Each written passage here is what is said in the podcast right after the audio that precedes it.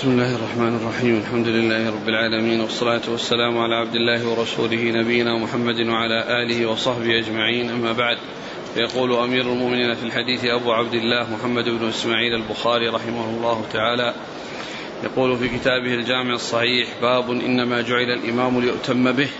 ثم قال حدثنا أحمد بن يونس قال حدثنا زائدة عن موسى بن أبي عائشة عن عبيد الله بن عبد الله بن عتبة أنه قال دخلت على عائشة رضي الله عنها فقلت ألا تحدثيني عن مرض رسول الله صلى الله عليه وسلم؟ قالت بلى. ثقل النبي صلى الله عليه وسلم فقال أصلى الناس؟ قلنا لا هم ينتظرونك. قال ضعوا لي ماء في المخضب. قالت ففعلنا فاغتسل فذهب لينوء فأغمي عليه ثم أفاق.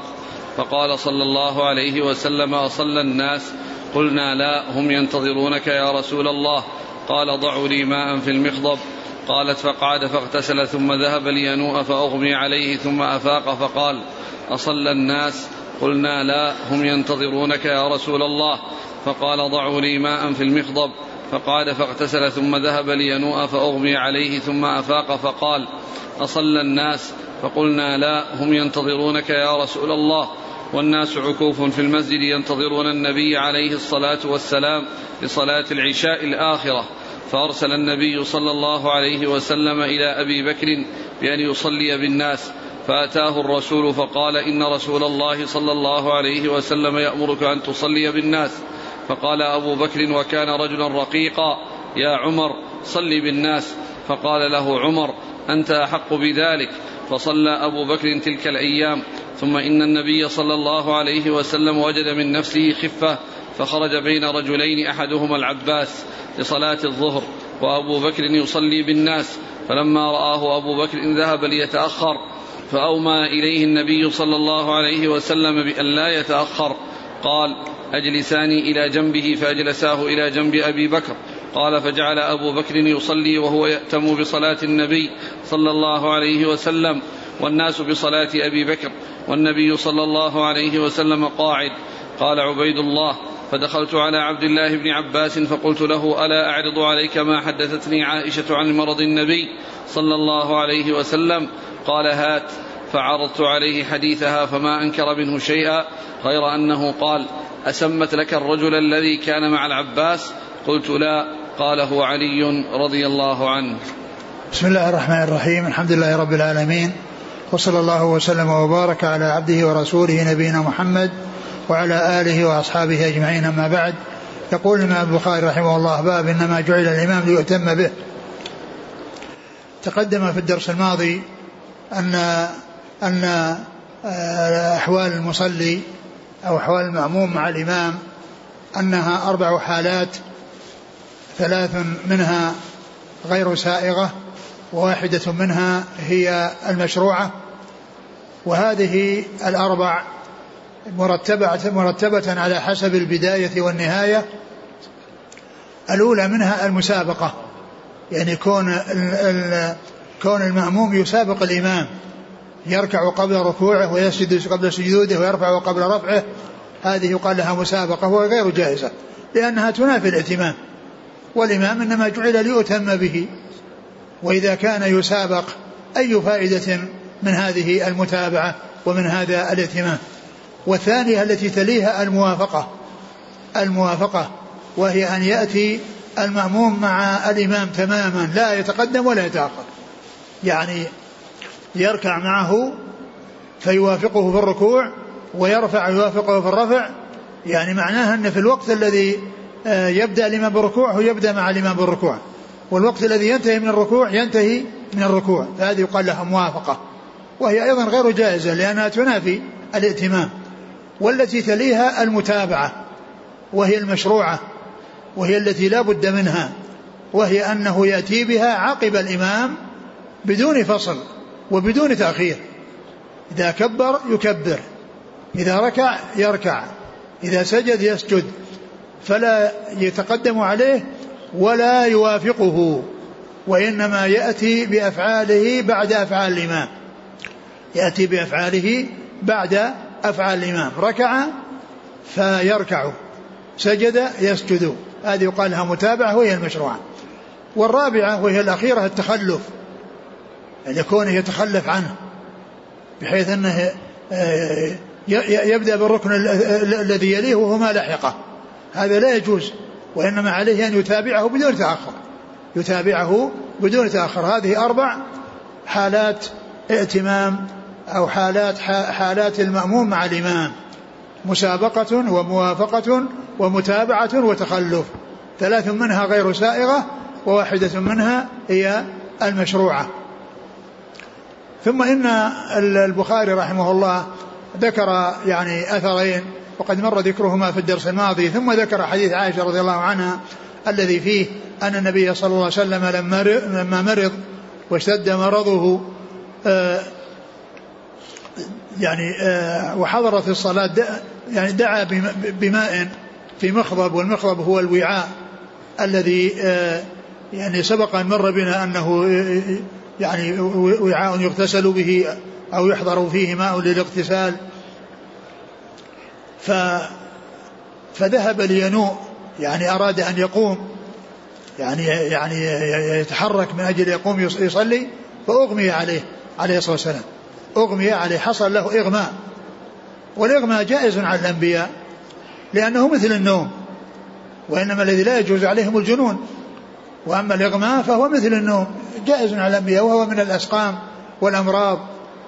والآلام التي تحصل للناس ومنهم الأنبياء فإنه يحصل لهم المرض ويحصل لهم النصب والتعب والمشقة فأغمي عليه عليه الصلاة والسلام. فأفاق وقال أصل الناس في كل مرة يسأل أصل الناس يسأل عن الصلاة. مهموم بالصلاة ومشغول بالصلاة صلوات الله وسلامه وبركاته عليه. ثم يغتسل ثم يريد أن أن يعني يقوم ينوء يعني يتحرك للقيام فيغمى عليه. فتكرر ذلك منه عليه الصلاة والسلام. ولما رأى عدم قدرته على ذلك وتأخر تأخره على الناس وهم ينتظرونه في المسجد ليأتي يصلي بهم فأمر آه يعني آه أرسل رسولا إلى أبي بكر ليصلي بالناس.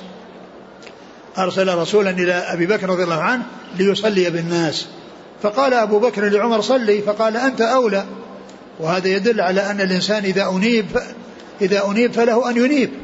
لأن أبا بكر رضي الله عنه أراد أن ينيب أراد أن ينيب عمر رضي الله عنه حيث قال له صلي. وقد أمر بأن يصلي هو فقال صلي. فهذا يدلنا على أن النائب له أن ينيب غيره. وله أن يوكل غيره بأن يقوم يعني بهذا الذي أسند إليه. فأبى ذلك عمر وقال أنت أولى. فصلى أبو بكر رضي الله عنه بالناس. فصلى أبو بكر دخل في الصلاة عليه الصلاة والسلام. ولما آه، دخل في الصلاة يعني في في يعني في, في صلاة أخرى وقد دخل فيها فالرسول صلى الله عليه وسلم رأى نشاط فخرج يهادى بين رجلين ولما أحس به أبو بكر رضي الله عنه أراد أن يتقهقر ليتقدم الرسول صلى الله عليه وسلم ويصلي بالناس فأشار إليه أن مكانك يعني أنه يبقى مكانه. ثم قال أجلسوني بجواره. وأبو بكر بدأ بالصلاة وقال أجلسوني بجواره أو بحذائه فجلس بجوار فجلس لأنه لا يستطيع أن يصلي قائما عليه الصلاة والسلام. فجلس عن يسار بكر فكان الرسول صلى الله عليه وسلم الصلاة دخل فيها أبو بكر إماما. ثم إن الرسول صلى الله عليه وسلم دخل معه في الصلاة وصار هو الإمام وصار أبو بكر مأموم فصار الرسول صلى الله عليه وسلم هو الإمام وهو يصلي جالس وأبو بكر هو المأموم الذي آه، يصلي بجواره صلى الله عليه وسلم وهو يبلغ الناس لأن الرسول عليه الصلاة والسلام صوته ضعيف بمرضه وخفيف فكان أبو بكر يأتم برسول الله صلى الله عليه وسلم والناس يأتمون بأبي بكر رضي الله عنه. وهذا هو محل الشاهد للترجمة إنما جئل الإمام ليؤتم به. أورد هذا الحديث الطويل من أجل كون أبي بكر يأتم بالرسول صلى الله عليه وسلم والناس يأتمون بأبي بكر. يعني بمعناه أن الرسول صلى الله عليه وسلم هو الذي يصلي بالناس وأبو بكر بجواره يأتم به وهو يبلغ والناس يأتمون بأبي بكر يعني ويتبعون صوته آه، في في في في تبليغه عن رسوله صلى الله عليه وسلم. فالإمام هو رسول الله صلى الله عليه وسلم. وفي أول الصلاة الإمام أبو بكر. في أول الصلاة الإمام أبو بكر. فتحول أبو بكر من كونه إماما إلى كونه مأموما. و فصار يأتم بالرسول عليه الصلاة والسلام والناس يأتمون بأبي بكر وهذا محل شاهد لقوله إنما جعل الإمام ليؤتم به.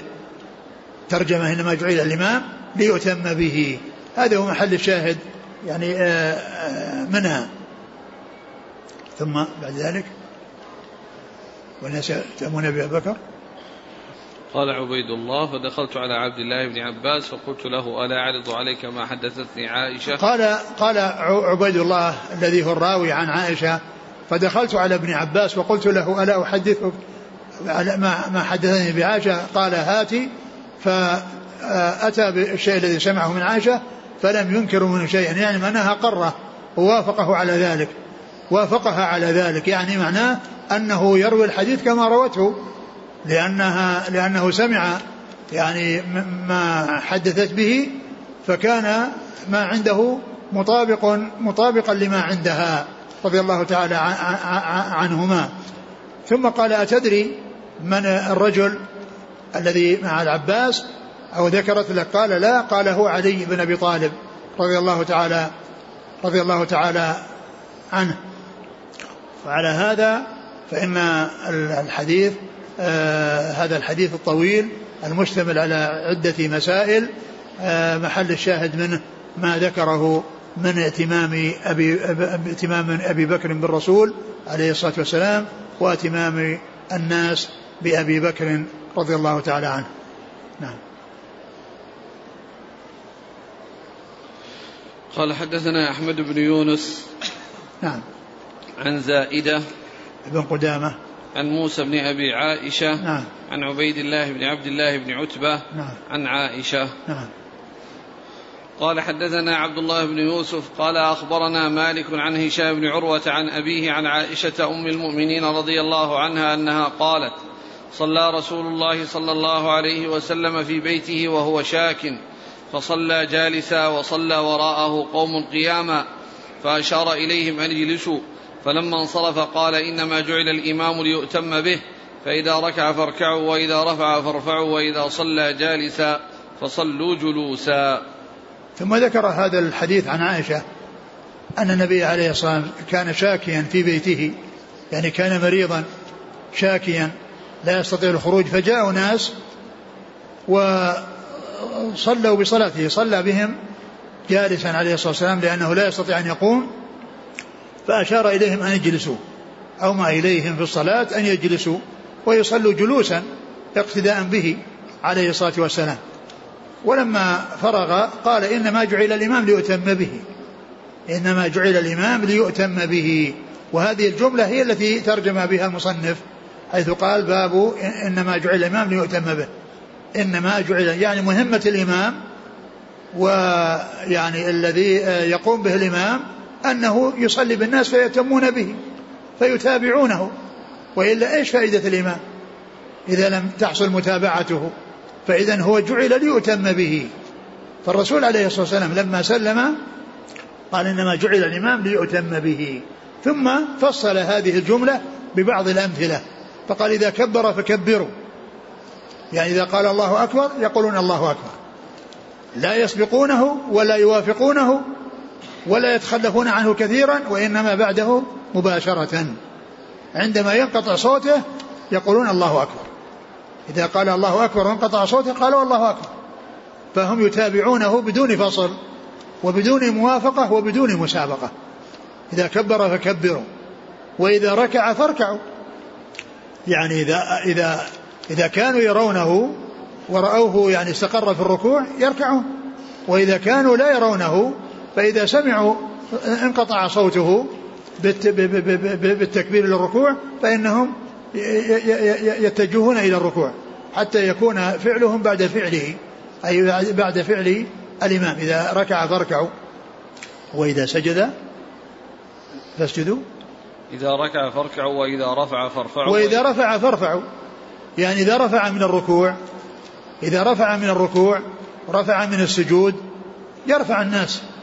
عندما يرفع يرفعون بعد رفعه مباشرة وبدون فاصل وبدون الموافقة ومسابقة.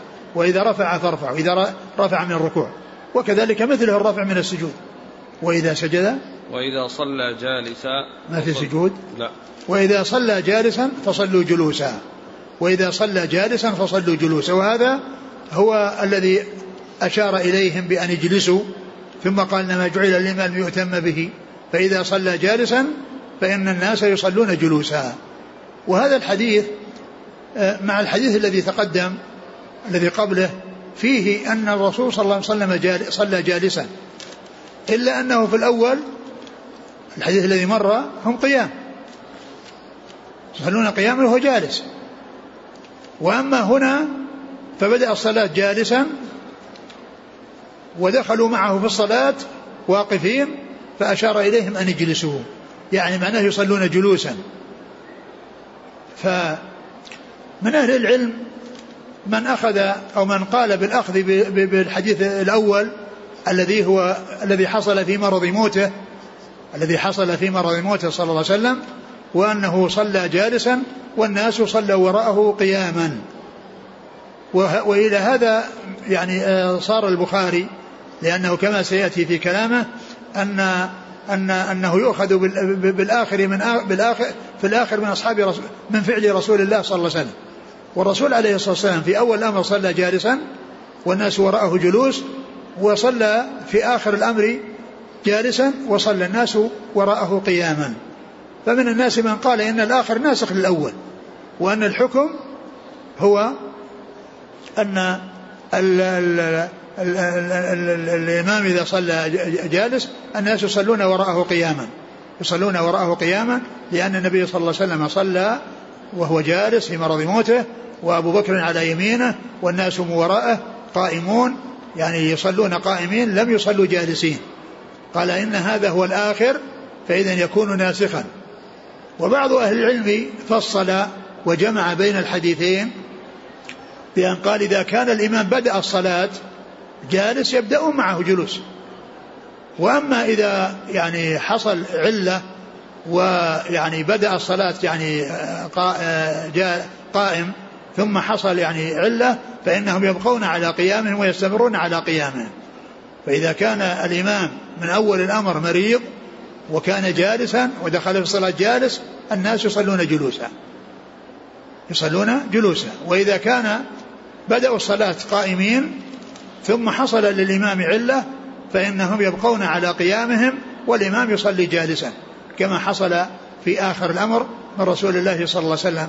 لأن الناس بدأوا بالصلاة قائمين والرسول صلى الله عليه وسلم جاء وصلى بهم جالس لعلة ولمرض فبقوا على قيامهم ولم يجلسوا كما حصل في المرة الأولى. فبعض أهل العلم جمع بين بهذا وبهذا لكن الذي ينبغي للإمام أنه إذا حصل له يعني شيء يقتضي أنه لا يستطيع أنه يقدم وهذا هو الذي ينبغي. لكن الرسول صلى الله عليه وسلم هو الإمام وهو القدوة وهذا الذي فعل الذي الذي فعل الرسول هو سائغ ومشروع لفعله صلى الله عليه وسلم. لكن الأولى بالإمام أنه يقدم من يصلي بالناس من يصلي بالناس يعني ممن هو قائم وهو يصلي جالسا وراء الإمام يصلي جالسا وراء الإمام. هذا هذا هو الذي ينبغي. وإن فعل فإن ذلك سائغ وجائز. وإن فعل كما فعل الرسول صلى الله عليه وسلم فإن ذلك سائغ وجائز. والرسول صلى الله عليه وسلم ما منع أن يقدم الإمام أحد يصلي بالناس. لكن الرسول صلى الله عليه وسلم هو القدوة وهو الأسوة وهو الذي يأتي بالشرع من الله عز وجل. ولهذا حصل منه ذلك. فإذا وجد من, من إمام مثل هذا فهو عمل صحيح. وإن قدم غيره ممن يصلي بالناس وهم يكونون قيام فلا شك أن هذا هو الذي ينبغي لأن النبي صلى الله عليه وسلم ما منع مثل من, من هذا الشيء. ثم أيضا هذا هو الموافق لما كان في آخر الأمر منه صلى الله عليه وسلم من كونه صلى جالسا والناس يصلوا وراءه قياما. وعلى هذا فبعض أهل العلم وفق بين الحديثين بأن الأول كان في كان في آه، حال صحته وقبل مرض موته بمدة وكان له سبب وأنه سقط من فرس فجحش فصار يعني يعني لا يستطيع القيام فصلى جالسا وأمر الناس يصلوا وراءه جلوسا. وفي آخر الأمر كانوا بدأوا بالصلاة مع أبي بكر قائمين والرسول صلى الله عليه وسلم جلس فصار إمامهم وتحول أبو بكر من كونه إمام إلى كونه مأموم والإمام هو الرسول صلى الله عليه وسلم وهو جالس فبدأوا الصلاة قياما فاستمروا عليها قياما. آه قال وإذا صلى جالسا فصلوا جلوسا لأن الرسول عليه السلام أشار إليهم أن يجلسوا. نعم. قال حدثنا عبد الله بن يوسف عن مالك عن هشام بن عروة عن أبيه عن عائشة. نعم. قال حدثنا عبد الله بن يوسف قال أخبرنا مالك عن ابن شهاب عن أنس بن مالك رضي الله عنه أن رسول الله صلى الله عليه وسلم ركب فرسا فصرع عنه فجحش شقه الأيمن. فصلى صلاة من الصلوات وهو قاعد فصلينا وراءه قعودا فلما انصرف قال إنما جعل الإمام ليؤتم به فإذا صلى قائما فصلوا قياما فإذا ركع فاركعوا وإذا رفع فارفعوا وإذا قال سمع الله لمن حمده فقولوا ربنا ولك الحمد وإذا صلى قائما فصلوا قياما وإذا صلى جالسا فصلوا جلوسا أجمعون. قال أبو عبد الله قال الحميدي قوله إذا صلى جالسا فصلوا جلوسا هو في مرضه القديم ثم صلى بعد ذلك النبي صلى الله عليه وسلم جالسا والناس خلفه قياما لم يأمرهم بالقعود وإنما يؤخذ بالآخر فالآخر من فعل النبي صلى الله عليه وسلم.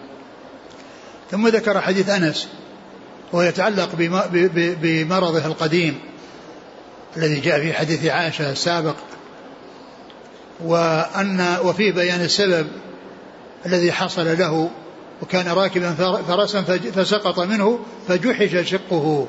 يعني حصل فيه يعني آه، آه، تأثر في شقه آه، الأيمن فصار عليه فكان لا يستطيع القيام عليه الصلاة والسلام بسبب هذه السقطة والوقعة التي حصلت له وجحف شقه. يعني معناها صابه خدوش ويعني آآ ترتب عليها أنه لا يستطيع القيام في الصلاة صلوات الله وسلامه وبركاته عليه.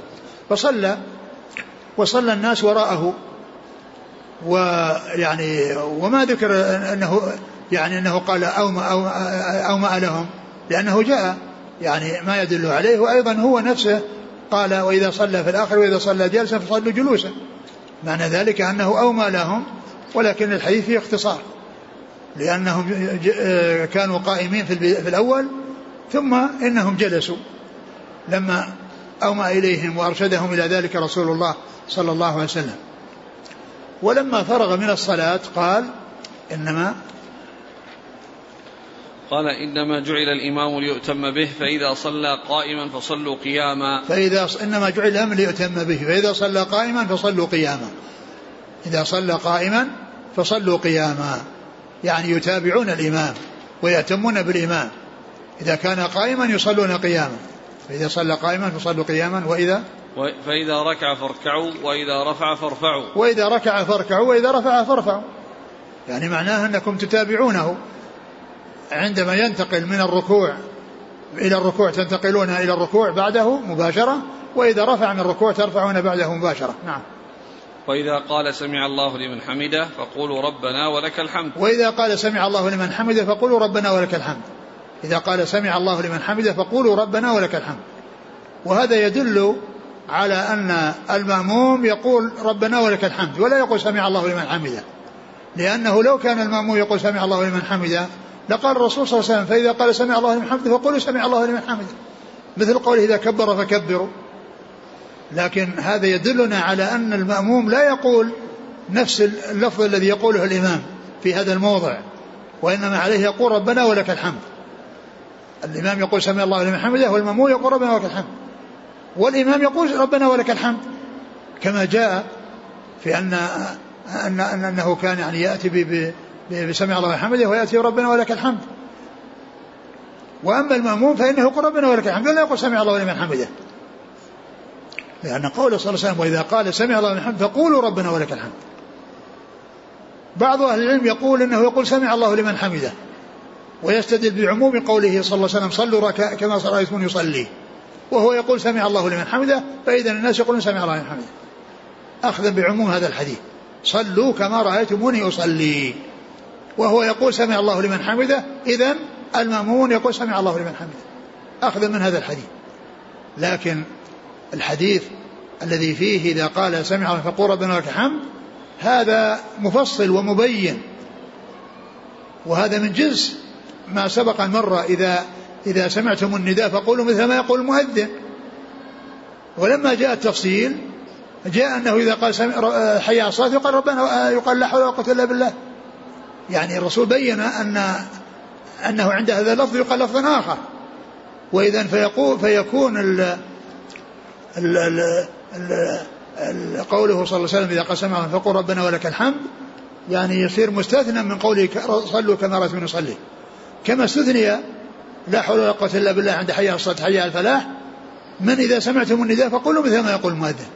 إذا سمعتم النداء فقولوا مثل ما يقول المؤذن. وعلى هذا فالإمام والإمام والمنفرد كل منهما يقول سمع الله من حمد ربنا ولك الحمد.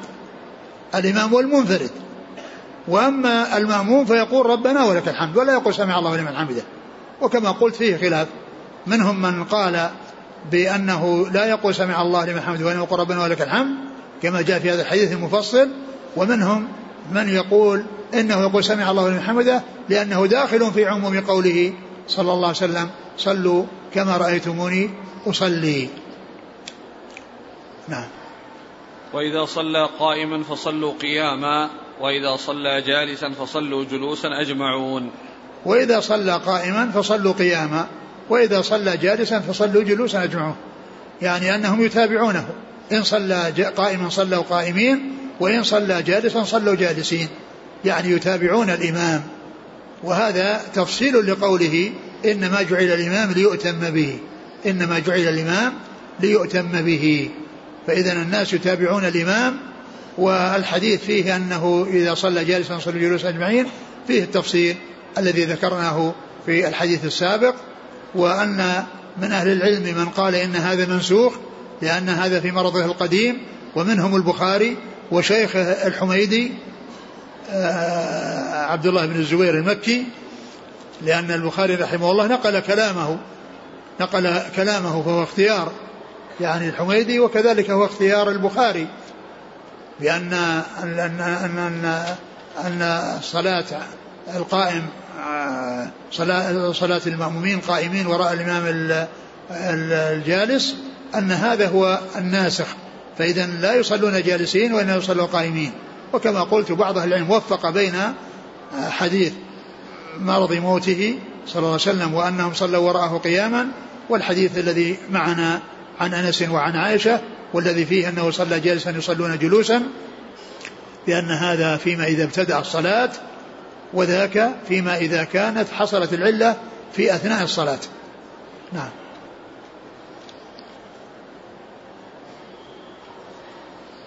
قال حدثنا عبد الله بن يوسف عن مالك عن ابن شهاب عن أنس. نعم. قال رحمه الله تعالى باب متى يسجد من خلف الإمام. قال أنس فإذا سجد فاسجدوا.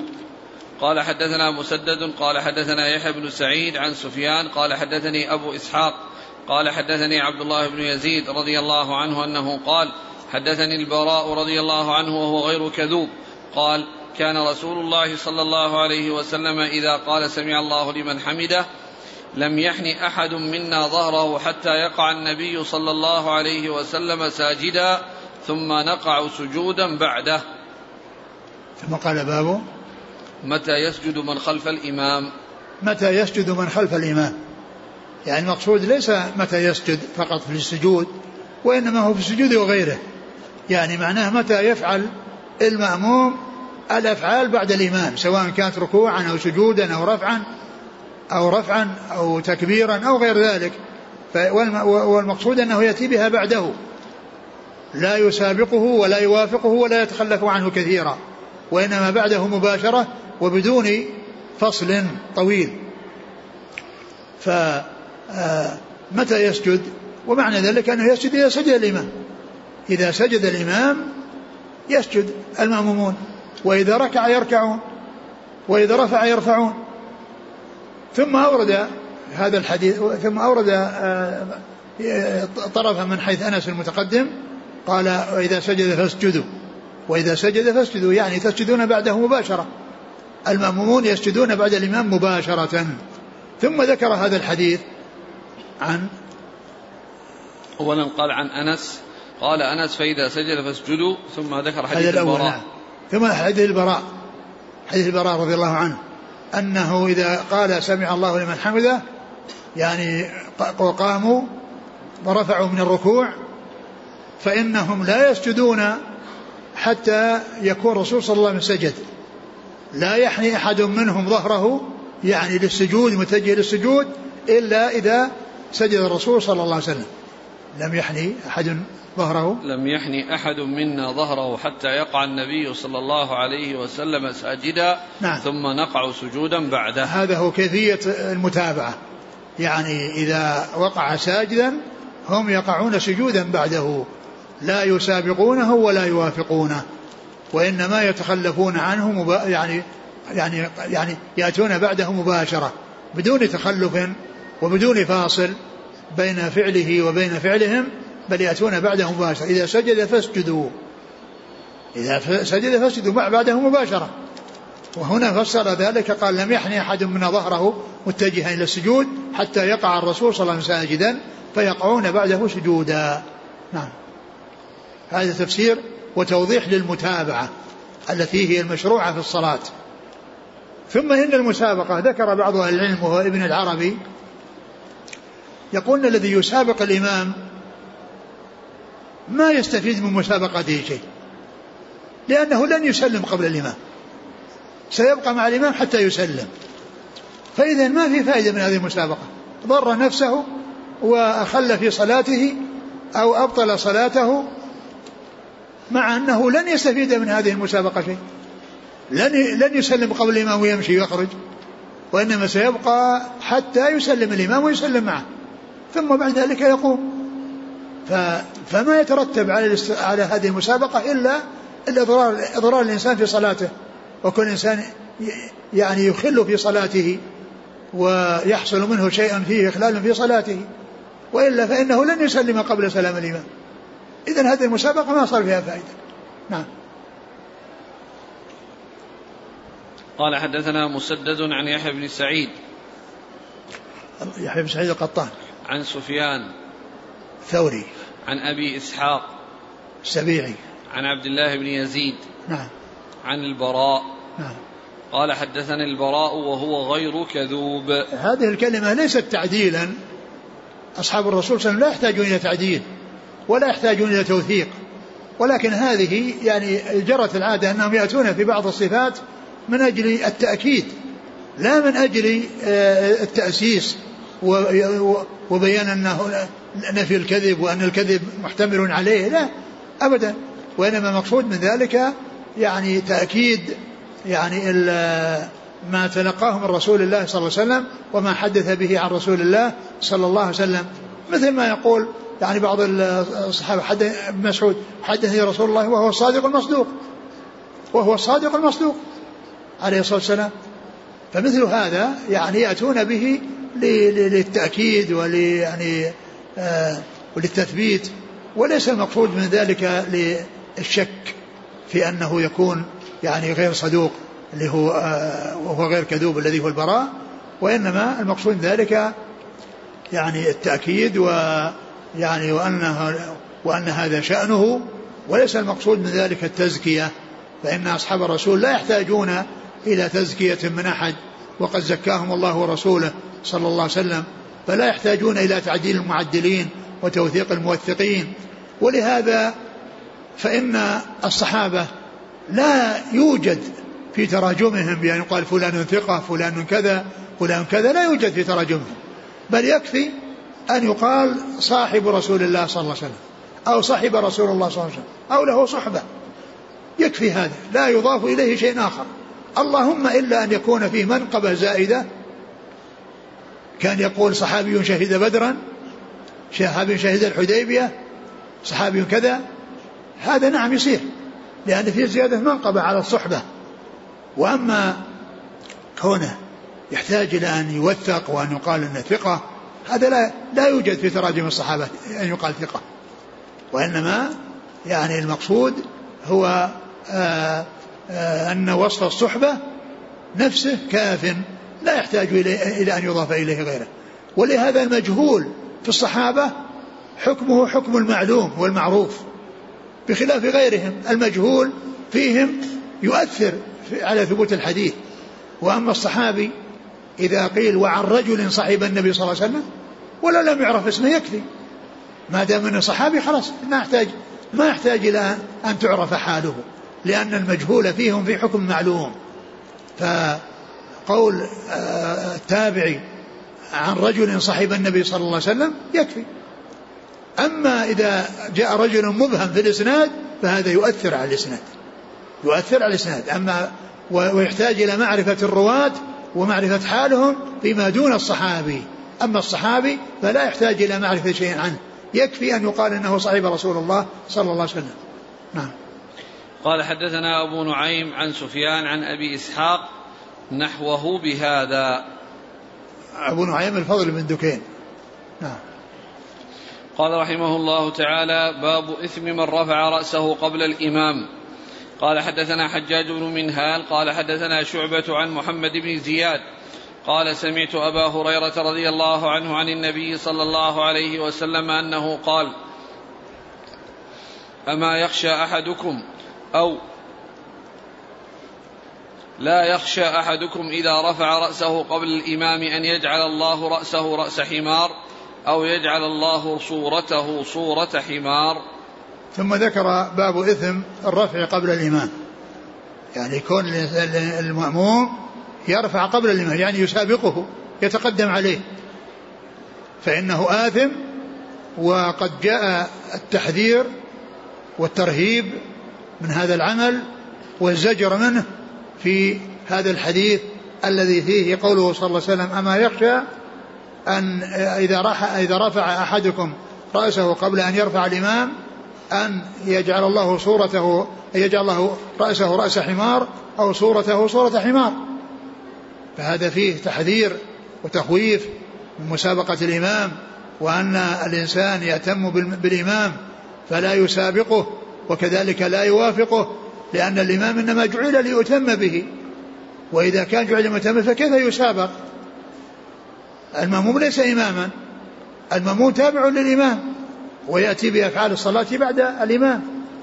وفي هذا ترهيب وتخويف وتحذير من مسابقة الإمام وأن صاحبه يأثم وأن وأن آه وأن من حصل منه أن سبق الإمام فإن عليه أن يرجع ويمكث يعني في آه ركوعه مثل المدة التي رفع بها كما سبق أن مر بنا في بعض الآثار. عن عن عن بعض السلف أنه إذا إذا سبق الامام فإنه يرجع ويمكث مقدار ذلك الذي حصل فيه الرفع قبل الامام. نعم. قال حدثنا حجاج بن منهال نعم. عن شعبة عن محمد بن زياد عن أبي هريرة نعم. قال رحمه الله تعالى باب إمامة العبد والمولى وكانت عائشة رضي الله عنها يأمها عبدها ذكوان من المصحف وولد البغي والأعرابي والغلام الذي لم يحتلم لقول النبي صلى الله عليه وسلم يأمهم أقرأهم لكتاب الله.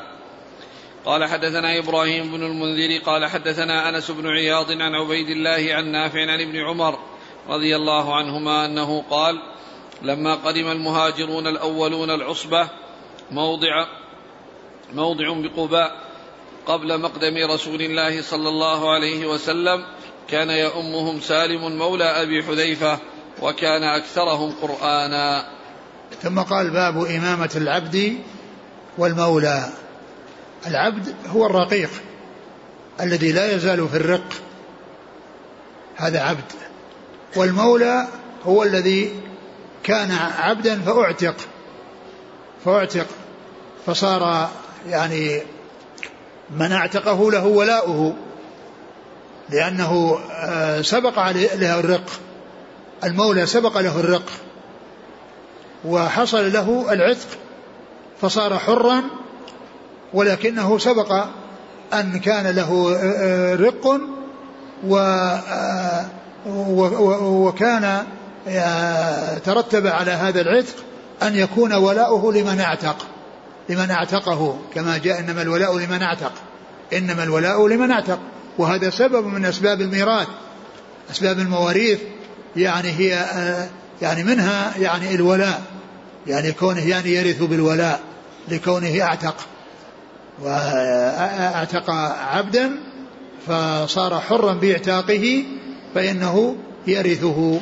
يعني إرث الولاء وهي أنه يأخذ ما أبقت الفروض إذا يعني إذا لم يوجد من هو أولى منه من حيث النسب.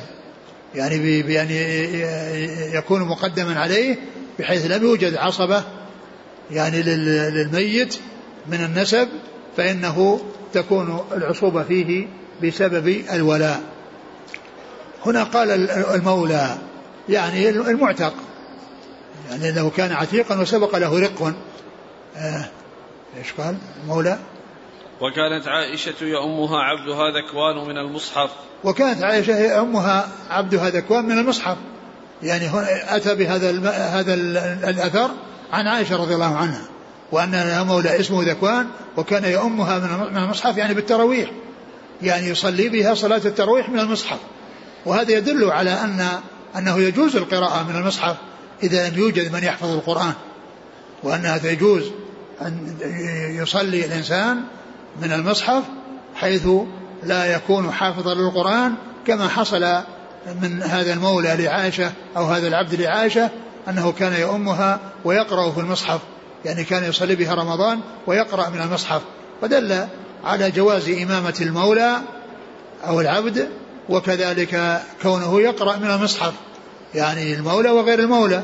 يعني إذا احتيج للقراءة المصحف يقرأ من المصحف. من إذا لم يوجد من يحفظ القرآن ويصلي بالناس التراويح فإنه يعني يقوم مقامه من لا, من لا يحفظ لكن يقرأ من المصحف كما جاء في هذا الأثر عن عائشة رضي الله عنها. ثم عطف على ذلك أيضا على العبد والمولى ابن ابن الزانية يعني ولد الزنا وكذلك الأعرابي. وكذلك الأعرابي وكذلك الغلام الذي لم يحتلم الغلام الذي لم يحتلم الصغير. يعني هؤلاء يتولون الإمامة إذا كانوا أقرأ من غيرهم. ولهذا البخاري رحمه الله لما ذكر يعني باب إمامة كذا لقوله يا أم القوم أقرأهم من كتاب الله. لقوله صلى الله عليه وسلم يا أم القوم أقرأهم من كتاب الله. يعني تجوز إمامتهم إذا كانوا أقرأ من غيرهم. ويقدمون في الإمامة إذا كانوا أقرأ من غيرهم. هؤلاء الخمسة. الذي الذي هو العبد والمولى العتيق وابن الزنا والأعرابي والصغير الذي الذي هو مميز. لأنه قبل التمييز هذا ليس ليس من أهل الصلاة. لا يؤمر بالصلاة وأما بعد التمييز فإنه يؤمر بالصلاة وإذا كان أقرأ من غيره فإنه يؤم الناس كما حصل في حديث عمرو عمرو بن ابن بن سلمة رضي الله عنه الذي كان يعني أحفظ من غيره وأكثر من غيره قرآنا فكانوا يقدمونه في الصلاة وهو يعني مميز. باب إمامة الصبي إمامة العبد والمملوك والمولى وابن الزنا والأعرابي الأعرابي الذين عندهم الجهل ويغلب عليهم الجهل.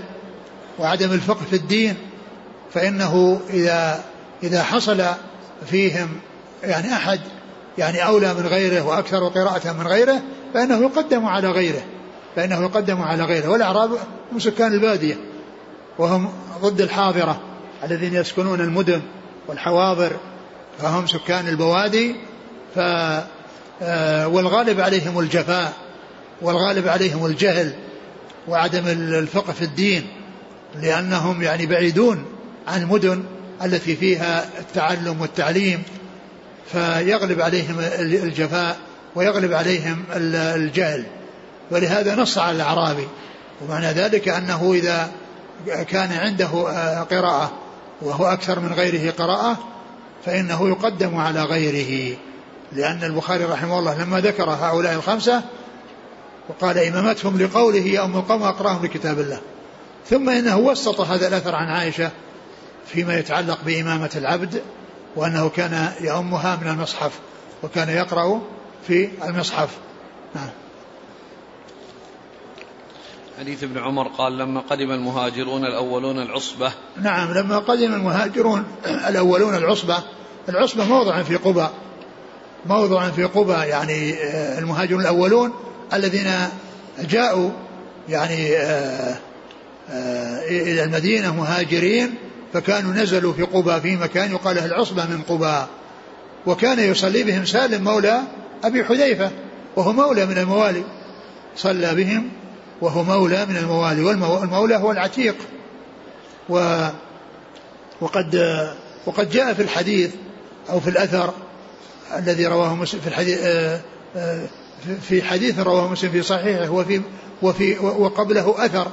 يعني عن عمر رضي الله عنه أن عن أنه آه، لقي أميره على مكة فسأله قال من وليت عليهم؟ يعني في حال غيبتك من وليت عليهم؟ قال وليت عليهم ابن أبزة. وليت عليهم ابن أبزة. قال ومن ابن أبزة؟ قال مولى من الموالي. قال وليت عليهم مولى؟ يعني ولاه في الإمارة. المقصود أنه ولاه في الإمارة. ومن المعلوم أن الأمير هو الذي يتولى الصلاة وله حق التقدم في الصلاة. قال وليت عليهم مولى. قال نعم يا أمير المؤمنين إنه عالم بكتاب الله إنه عالم بكتاب الله عارف بالفرائض. يعني معناه أنه قدمه لأنه عالم بالكتاب وعالم بالأحكام الشرعية لأن الفرائض الأحكام الشرعية ليس المقصود بها خصوص الفرائض اللي هي المواريث لأن المواريث هي من الأحكام الشرعية. والفرائض هي الأمور المفروضة. الله فرض فرائض فلا تضيعوها. إنه عالم بالفرائض يعني بالأحكام الشرعية. يعني عنده علم بالكتاب وعلم بالسنة وعلم بالأحكام الشرعية. هذه مسوغات الاختيار. مسوغات الاختيار أنه كان عالم بالكتاب والسنة. لأجل ذلك اختاره ليكون أميرا على مكة في حال غيبته. عند ذلك تذكر عمر حديث الرسول صلى الله عليه وسلم. فقال صدق محمد صلى الله عليه وسلم. قال إن الله يرفع بهذا الكتاب أقواما ويضع به آخرين. إن الله يرفع بهذا الكتاب أقواما ويضع به آخرين. يعني هذا رفعه رفعه الكتاب ورفعه العلم بالكتاب. رفعه وهو مولى العلم بكتاب الله عز وجل والعلم بالفرائض. وعلى هذا فإن آه، المهاجرين الأولين كان يؤمهم ويصلي بهم سالم مولى أبي حذيفة رضي الله تعالى عنه. نعم. قال حدثنا إبراهيم بن المنذر عن أنس بن عياض عن عبيد الله عن نافع عن ابن عمر. نعم. قال حدثنا محمد بن بشار قال حدثنا يحيى عن شعب قال حدثنا شعبة قال حدثني أبو التياح عن أنس رضي الله عنه عن النبي صلى الله عليه وعلى آله وسلم أنه قال اسمعوا وأطيعوا وإن استعمل حبشي كأن رأسه زبيبة. ثم ذكر حديث أنس رضي الله عنه أن النبي صلى الله عليه وسلم قال اسمعوا وأطيعوا وإن تأمر عبد حبشي كأن رأسه زبيبة. يعني معناها أنه يسمع ويطاع للأمير ومعلوم أن الأمير يعني آه هو الذي يتولى الإمامة. الأمير هو الذي يتولى الصلاة بالناس ويتولى إمامة الناس. فهنا السمع والطاعة لولاة الأمور. ولو كان الذي آه، آه، هو يعني صاحب الولاية يعني آه، عبد حبشي كأن رأسه زبيبة. يعني رأس الزبيبة يعني لصغر رأسه أو لكون رأسه يعني يتجعد ويعني يعني يلتف بعضه حول بعض أو يعني المهم أن الرسول صلى الله عليه وسلم أمر بالسمع والطاعة للوالي أيا كان للوالي أيا كان. ثم إنه معلوم أنه في الإجماع لا يجوز أن يتولى ال ال يعني ال أن تكون الولاية يعني لأي أحد وأن آه، ولكن ذكر العبد هنا إنما هو للمبالغة والإشارة إلى أن من حصلت له الولاية فإنه يسمع له ويطاع. ولا يجوز أن تكون الولاية لعبد. يعني بإجماع العلماء لا بد أن يكون حرا. فلا يجوز أن يكون عبدا من شروط الولاية أن يكون حرا. لكن هنا قالوا لتأمر عبد. وقد فسر بهذا فسر معنى يعني جمع بين هذا وبين هذا بأن قوله وإن تأمر عبد يعني من يتسلط وغلب الناس بسيفه حتى قهر الناس فإنه يسمع له ويطاع. فإنه يسمع له ويطاع. أو أنه ولي ولاة خاصة من قبل الإمام الأعظم يعني ولاه على قرية جعل أميرهم عبدا فإنه يسمع له ويطاع لأن الأمير أمره أو الوالي أمره. فإذا المقصود بهذا أن أن أن ولايته أنه يسمع له ويطاع وإن كان عبدا والعبد لا يجوز أن يكون واليا ولا يختار للولاية ولكن هذا فيما إذا تغلب وقهر الناس بسيفه حتى غلبهم فإنه يسمع له ويطاع. لأن المتغلب يسمع له ويطاع. وكذلك أيضا أيضا يدخل يعني أو مما يفسر به أن يكون أميرا على ولاية خاصة من قبل الإمام الأعظم. كونه أمره على قرية أو على جماعة معينة من الناس فإن هذا الذين أمر عليهم من قبل الإمام يسمعون له ويطيعون. والحاصل أن المصنف هنا ذكر هنا في باب إمامة العبد لأن المملوك والعبد يعني آه، إذا صار هو الوالي فإنه له حق الإمامة. له حق الإمامة وهذا هو وجه إرادة الحديث في هذه الترجمة. آه، اسمعوا واطيعوا ولو تأمر والأمير هو الذي يصلي بالناس. نعم. قال حدثنا محمد بن بشار عن يحيى قطان. عن شعبة عن أبي التياح نعم. زيد بن حميد نعم. عن أنس. نعم الاحتمال الرابع باعتبار ما كان. نعم باعتبار ما كان. يعني إنه كان يعني آه، سبق يعني آه، باعتبار ما كان يعني يعني سبق يعني إنه كان يعني عبدا فيما مضى ولكنه عتق بعد ذلك. نعم. قال رحمه الله تعالى باب إذا لم يتم إذا لم يتم الإمام وأتم من خلفه. قال حدثنا الفضل بن سهل قال حدثنا الحسن بن موسى الأشيب قال حدثنا عبد الرحمن بن عبد الله بن دينار عن زيد بن أسلم عن عطاء بن يسار عن أبي هريرة رضي الله عنه أن رسول الله صلى الله عليه وسلم قال يصلون لكم فإن أصابوا فلكم وإن أخطأوا فلكم وعليهم.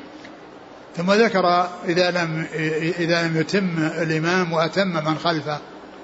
يعني إذا حصل من الإمام تقصير وخلل في صلاته والمأموم الذي خلفه أتى بالصلاة على الوجه المشروع فإن المأموم يعني حصل منه إتمام الصلاة وحصل منه الإتيان بالشيء المشروع والإمام هو الذي يعني يتحمل يعني النقص ويتحمل الإثم والضرر الذي يحصل بسبب إخلاله في صلاته. يعني إذا لم يتم الإمام وأتم المأموم يعني معناه أن الإمام يعني حصل منه خلل بأن كان عنده يعني شيء من من البدع التي لا تصل إلى حد التكفير والإنسان الذي وراءه يعني سليما وأتى بما هو مطلوب منه فإن آه، ذاك هو الذي يعني يتحمل الإثم فيما فيما فيه إثم والمأموم سالما من ذلك. وأورد هذا الحديث قال يصلون لكم. يعني الأمراء الذين هم أهل جور والذين يحصل منهم أمور فيها مخالفة يعني لسنة الرسول صلى الله عليه وسلم يصلون لكم. فإن أحسنوا فلكم ولهم. إن أحسنوا فإحسانهم لكم ولهم. وإن أساءوا فلكم وعليهم. يعني لكم إحسانكم وعليهم إساءتهم. وعليهم إساءتهم. وهذا المقصود إذا لم يتم الإمام وأتم من خلفه. بأن الإمام صار عنده تقصير والإماموم أتى بما هو مطلوب منه فإن ذلك لا يؤثر على المأموم. لا يؤثر على المأموم. فإن آه، كان الإمام محسنا فالإحسان له ولغيره. وإن كان مسيئا فإساءته على نفسه وليس على غيره شيء من إساءته. يصلون لكم فإن أحسنوا فلكم ولهم وإن أساءوا فلكم وعليهم لكم لأنكم أنتم محسنون وعليهم إساءتهم. نعم. قال حدثنا الفضل بن سهل. نعم. عن الحسن بن موسى الأشيب. نعم. عن عبد الرحمن بن عبد الله بن دينار. نعم. عن زيد بن أسلم. عن عطاء بن يسار عن أبي هريرة. نعم. قال رحمه الله تعالى باب إمامة المفتون والمبتدع. وقال الحسن صل وعليه بدعته. قال أبو عبد الله وقال لنا محمد بن يوسف حدثنا الأوزاعي قال حدثنا الزهري عن عن حميد بن عبد الرحمن عن عبيد الله بن عدي بن خيار أنه دخل على عثمان بن عفان رضي الله عنه وهو محصور فقال إنك إمام عامة ونزل بك ما ترى ويصلي لنا إمام فتنة ونتحرج.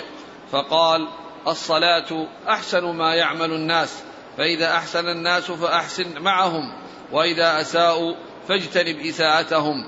وقال الزبيدي قال الزهري لا نرى أن يصلى خلف المخنث إلا من ضرورة لا بد منها. ثم ذكر باب إمامة المفتون والمبتدع. إمامة المفتون والمبتدع. إمامة المفتون الذي وقع في فتنة والذي حصل منه فتنة مثل الذين خرجوا على عثمان رضي الله عنه وحصروا في داره وصار الواحد منهم يصلي بالناس وقد آه، جيء إلى عثمان وقيل إنك إمام عامة يعني أنت إمام المسلمين وهذا الذي يصلي بالناس إمام فتنة يعني هو يعني قائم بفتنة.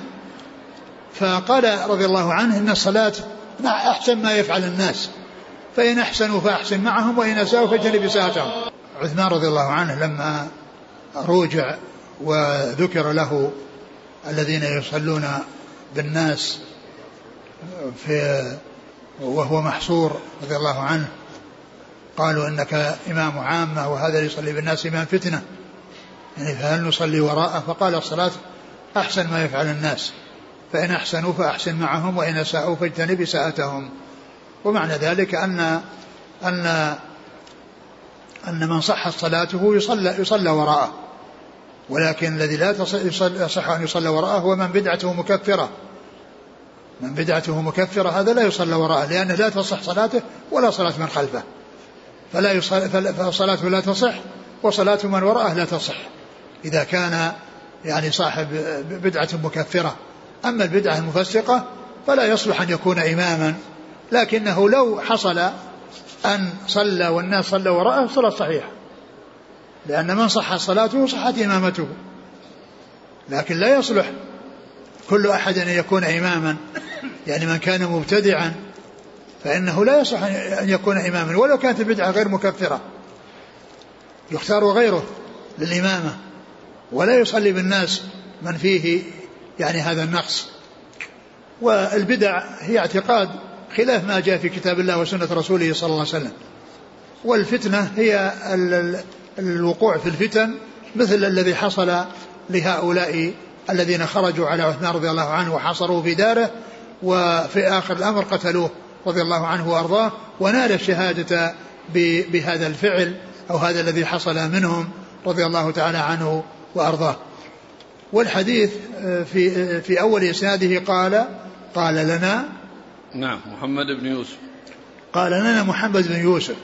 هذه العبارة غير العبارة التي يقول حدثنا محمد بن يوسف فإنه يستعمل حدثنا وأحيانا يأتي بمثل هذه العبارة التي قال لنا. وقد تكلم العلماء في المراد بها مع أنها واضحة في الاتصال. لأن قوله لنا يعني معناه أنه سمعه منه. قال لنا يعني معناه أنه سمعه منه. ولكن يأتي بها البخاري رحمه الله قيل أنه كان سبيل في حال المذاكرة لأن في حال المذاكرة غير حالة التحديث. كونه يتذاكرون في شيء ثم يأتي عرضا ذكر شيء هذا قال في حال المذاكرة. وأما حال التحديث يحدثهم. يعني جالس للتحديث. يقول آه، وهم يسمعون ويتلو عليهم الأحاديث وينقلون عنه الأحاديث فهو يؤدي وهم يتحملون هو يؤدي وهم يتحملون. هذا آه الذي يأتون فيه حدثنا وأخبرنا وسمعت وأنبأنا. وأما قال لنا فهذه يستعملها البخاري في يعني آه حالات أخرى. منها قيل أنها في حال المذاكرة. والحافظ بن حجر يقول أنه إذا كان الأثر يعني آه موقوف فإنه أحيانا يأتي بهذه الصيغة. يأتي بهذه الصيغة. وذكر كلاما للعلماء في هذا. أقرأ كلامه في هذه في هذه المسألة. قيل عبر بهذه الصيغة لأنه مما أخذه من شيخه في المذاكرة فلم يقل فيه حدثنا.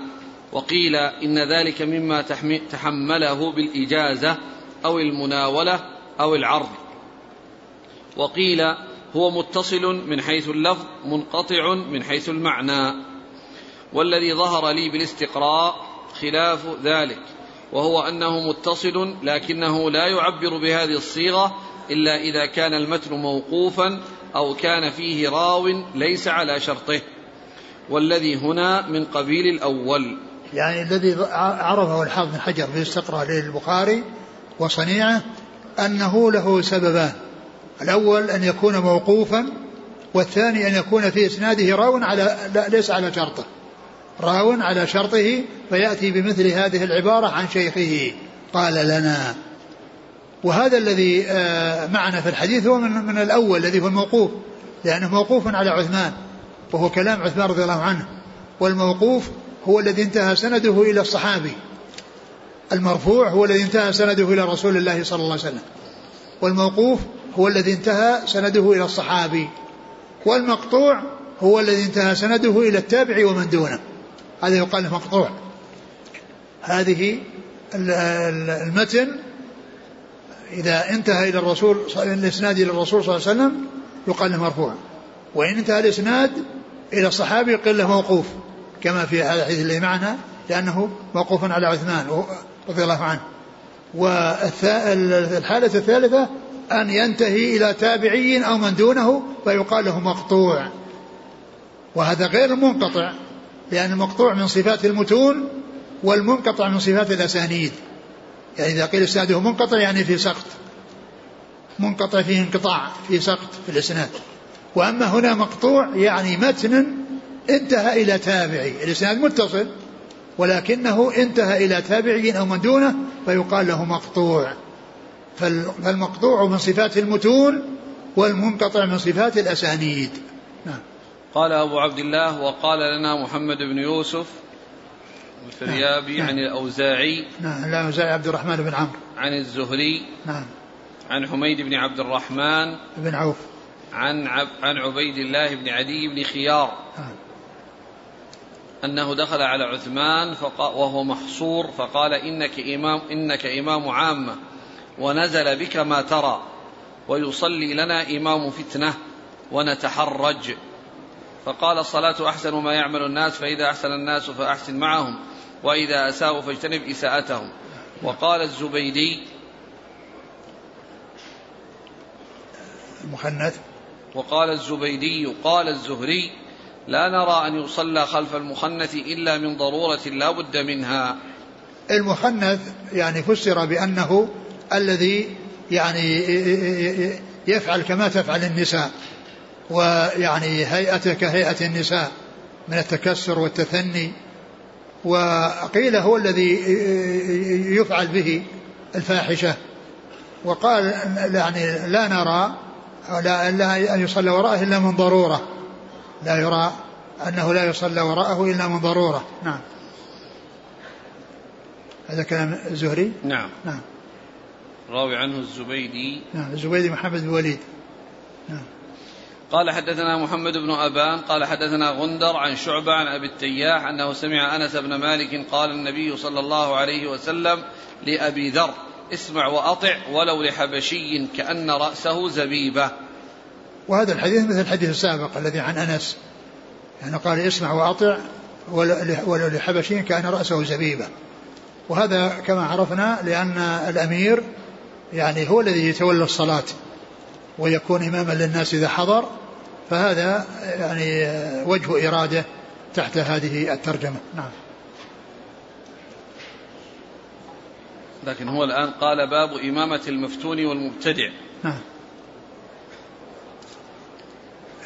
هذا يتعلق بال بإمامة المفتون والمبتدع إي نعم آه.